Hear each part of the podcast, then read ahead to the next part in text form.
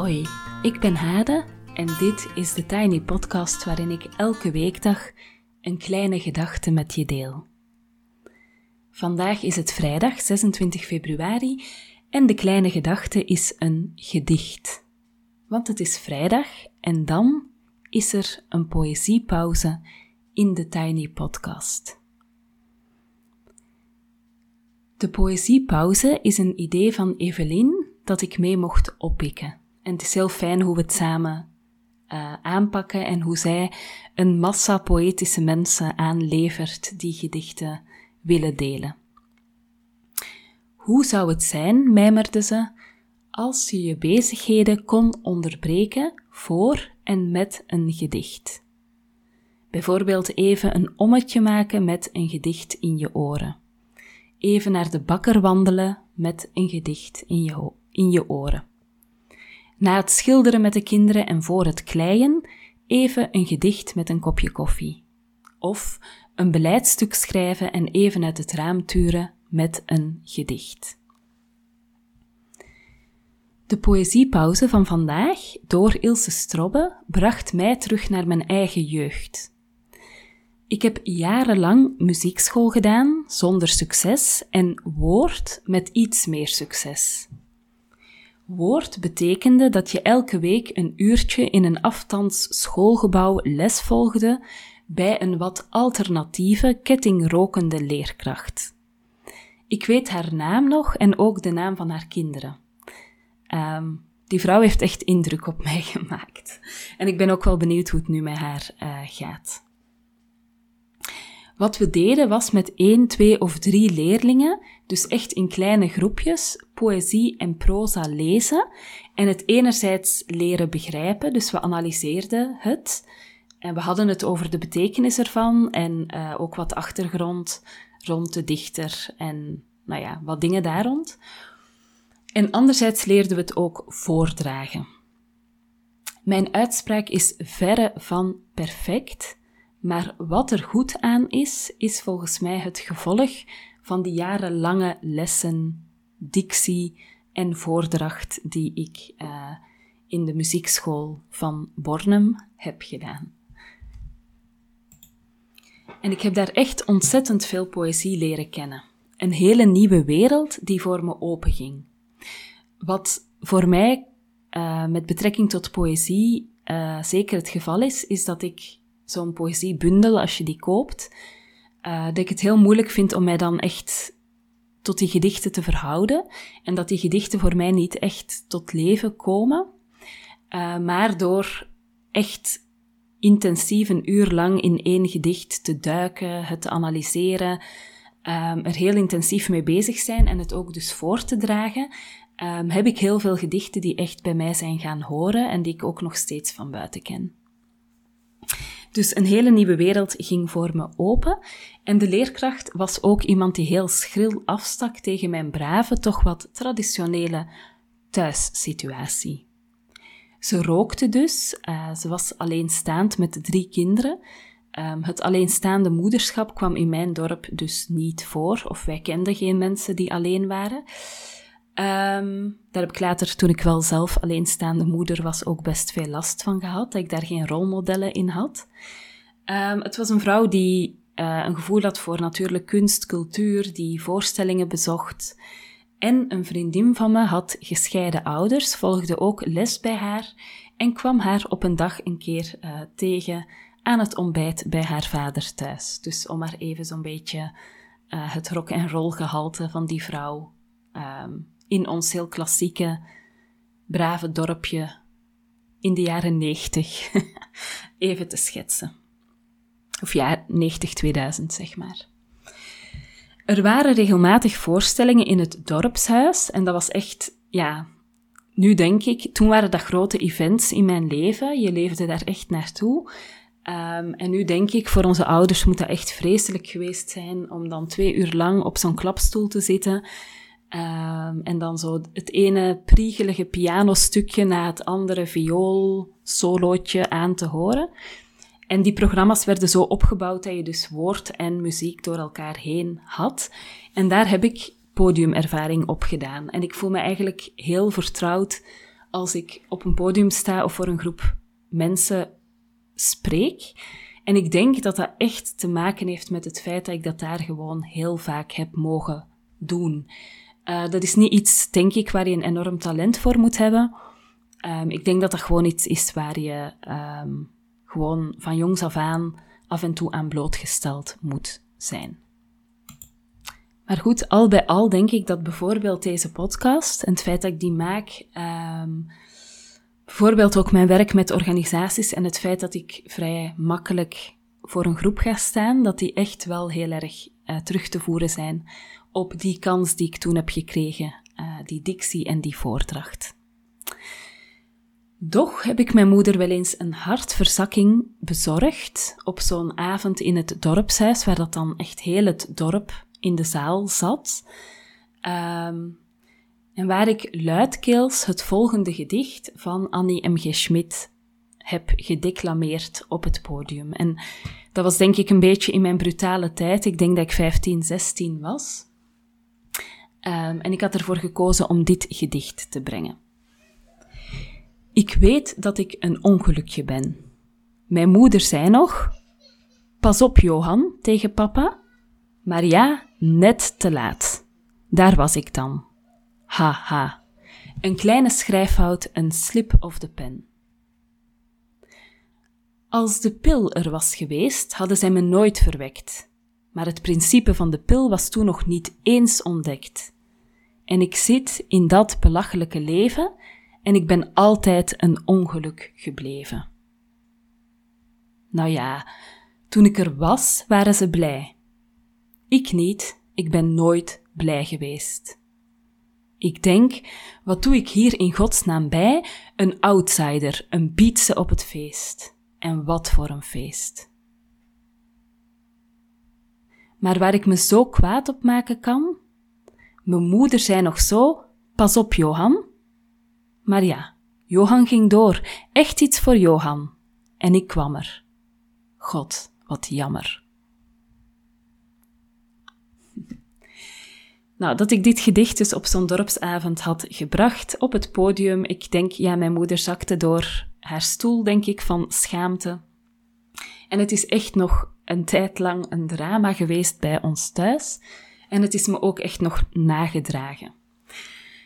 Nu ik het weer teruglees, denk ik wat raar, want het is overduidelijk een gedicht. En mijn vader heet ook echt niet Johan. En ik had er ook niet Jos van gemaakt um, toen ik het voorlas. Dus in die zin um, had ik me echt aan de tekst gehouden. En tegelijkertijd, als ik het nu teruglees en ik stel mij voor dat een van mijn kinderen dit op een podium uh, zegt.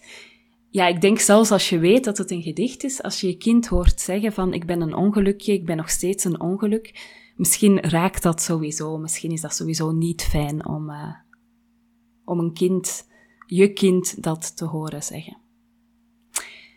Anyway, jullie zitten natuurlijk allemaal te wachten op het gedicht van Ilse en terecht. Um, ik heb wel nog twee oproepjes.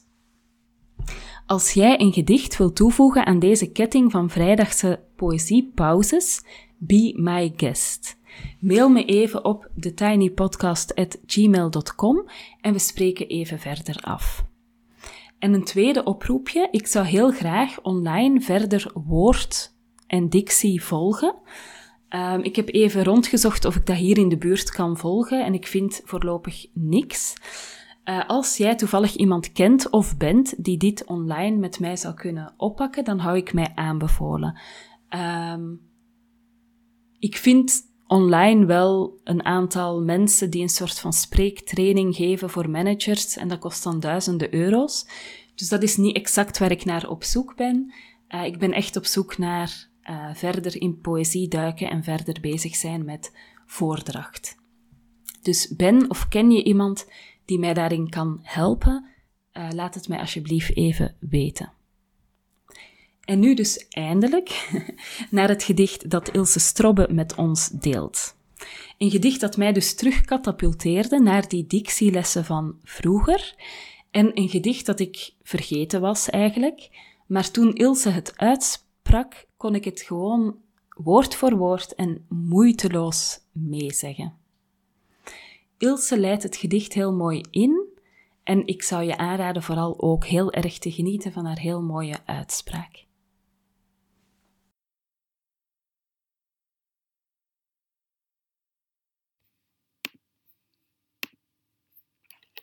Wat fijn dat ik er vandaag mag bij zijn. In deze poëziepauze die Evelien en Hade in het leven hebben geroepen.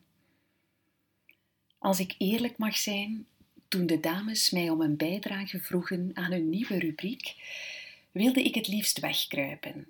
Ergens ver weg vluchten om niet, vooral niet, op deze vraag te moeten ingaan. Helaas, ver weg ben ik niet geraakt en ik denk ook niet dat iemand ver weg geraakt in deze tijden. Het was dus aan mij om uh, mijn onzekerheid en mijn angst om persoonlijke dingen met een grote groep onbekenden, jullie dus, te delen, eens goed te doorvoelen en mijn interne criticus de mond te snoeren. En hier sta ik dan, voor jullie, met een gedicht in mijn hand. Lang moest ik niet zoeken, zeker niet naar de tekst, die ken ik meer dan twintig jaar nadat ik die voor het eerst gelezen heb, blijkbaar tot mijn verrassing nog steeds uit mijn hoofd. Wat een fijne ervaring. Geen copy-paste werk van het internet, geen zoektocht in de bib, gewoon pen en papier vastnemen en de ooit opgeslagen, maar lange tijd goed verborgen woorden laten komen. Ik was 17 toen ik dit gedicht voor het eerst las en het heeft lange tijd op mijn nachtkastje gelegen. Ook al gaat het hier om oude woorden, neergepend in de jaren 1920, dus uh, ja, meer dan 100 jaar geleden door Adriaan Roland Holst. Ik vond het gedicht op mijn zeventiende zo mooi, zo herkenbaar en toen ook al zo troostend. Ik deel het graag met jullie. Het heet Zwerversliefde en het klinkt als volgt. Laten wij zacht zijn voor elkander, kind, want o, de maatloze verlatenheden die over onze moe gezworven leden onder de sterren waaien in de wind. O, laten wij maar zacht zijn en maar niet het trotse, hoge woord van liefde spreken. Want hoeveel harten moesten daarom breken?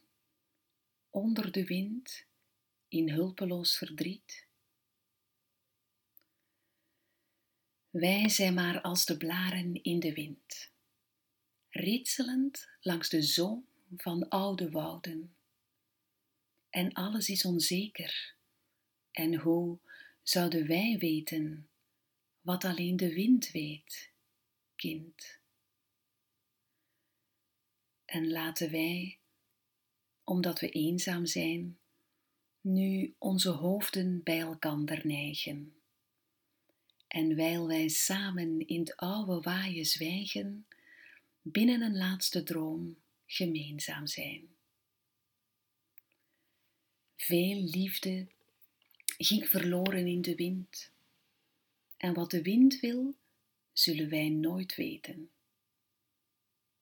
En daarom, voor we elkander weer vergeten, laten wij zacht zijn voor elkander, kind. Zwerversliefde. Alleen al de titel maakt mij opnieuw warm. Hoe fijn lijkt me de gedachte dat wij zwervers mogen zijn, vrij mogen zijn en dat ook de liefde kan zwerven, dat de liefde overal kan zijn. Voor mij lijkt het pure romantiek. Alles lijkt ook in beweging. We zijn geen vast gegeven. Ook de liefde is dat niet. Alles verandert. En het lijkt alsof Holst ons uitnodigt om daarom te gaan zwerven. En niet te veel vast te houden aan zekerheden, ja, want die bestaan toch niet.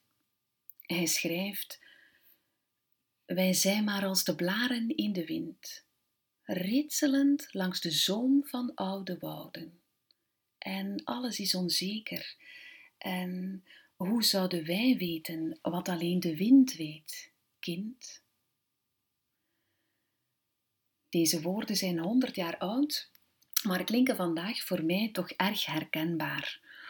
Alles is zo onzeker. Daar worden we de laatste maanden dagelijks aan herinnerd. Als ik kijk bij mezelf, ik probeer vaak krampachtig vat, vat, te krijgen op onze gezinsplanning, mijn werkplanning en alle andere zaken. Telkens opnieuw en telkens zonder resultaat. Frustrerend. De woorden van Holst bieden me dan toch wel wat troost en misschien ook wel een uitweg. Want hoe kunnen we dan met die onzekerheid en ook met de vluchtigheid van het bestaan omgaan?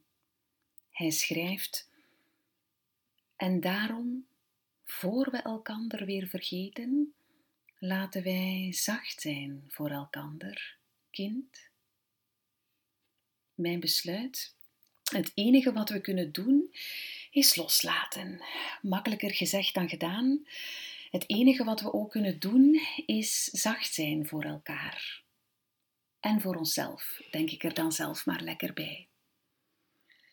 En dat is ook wat ik mezelf en jullie toewens. Het besef en tegelijk ook de troostende gedachte dat wij maar zwervers zijn, die even op bezoek zijn in deze wereld en allemaal als blaren door de wind worden voortgeblazen. Maar gelukkig wel samen. Tijd dus om even te relativeren en goed voor elkaar en onszelf te zorgen. Misschien wel met een vleugje poëzie. Ik wens jullie ontzettend veel zwerversliefde toe, voor jezelf en voor elkaar.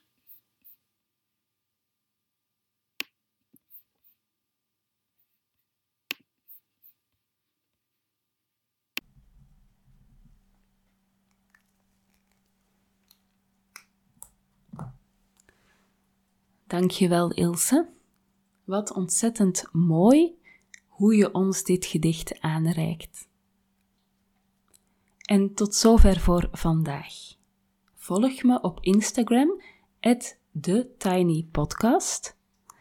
Als je je abonneert via bijvoorbeeld Google of Apple Podcasts, uh, in Spotify of uh, in je favoriete podcast-app, krijg je telkens de nieuwe afleveringen in je overzicht. En dat is elke weekdag.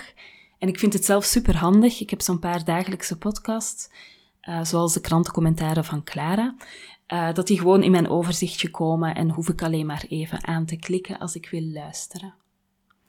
Misschien wil je de podcast doorsturen naar iemand die er ook graag naar luistert, of hem een keer delen op social media. Uh, zo help je de podcast groeien en dat vind ik heel fijn. En een reactie of recensie zijn natuurlijk ook welkom.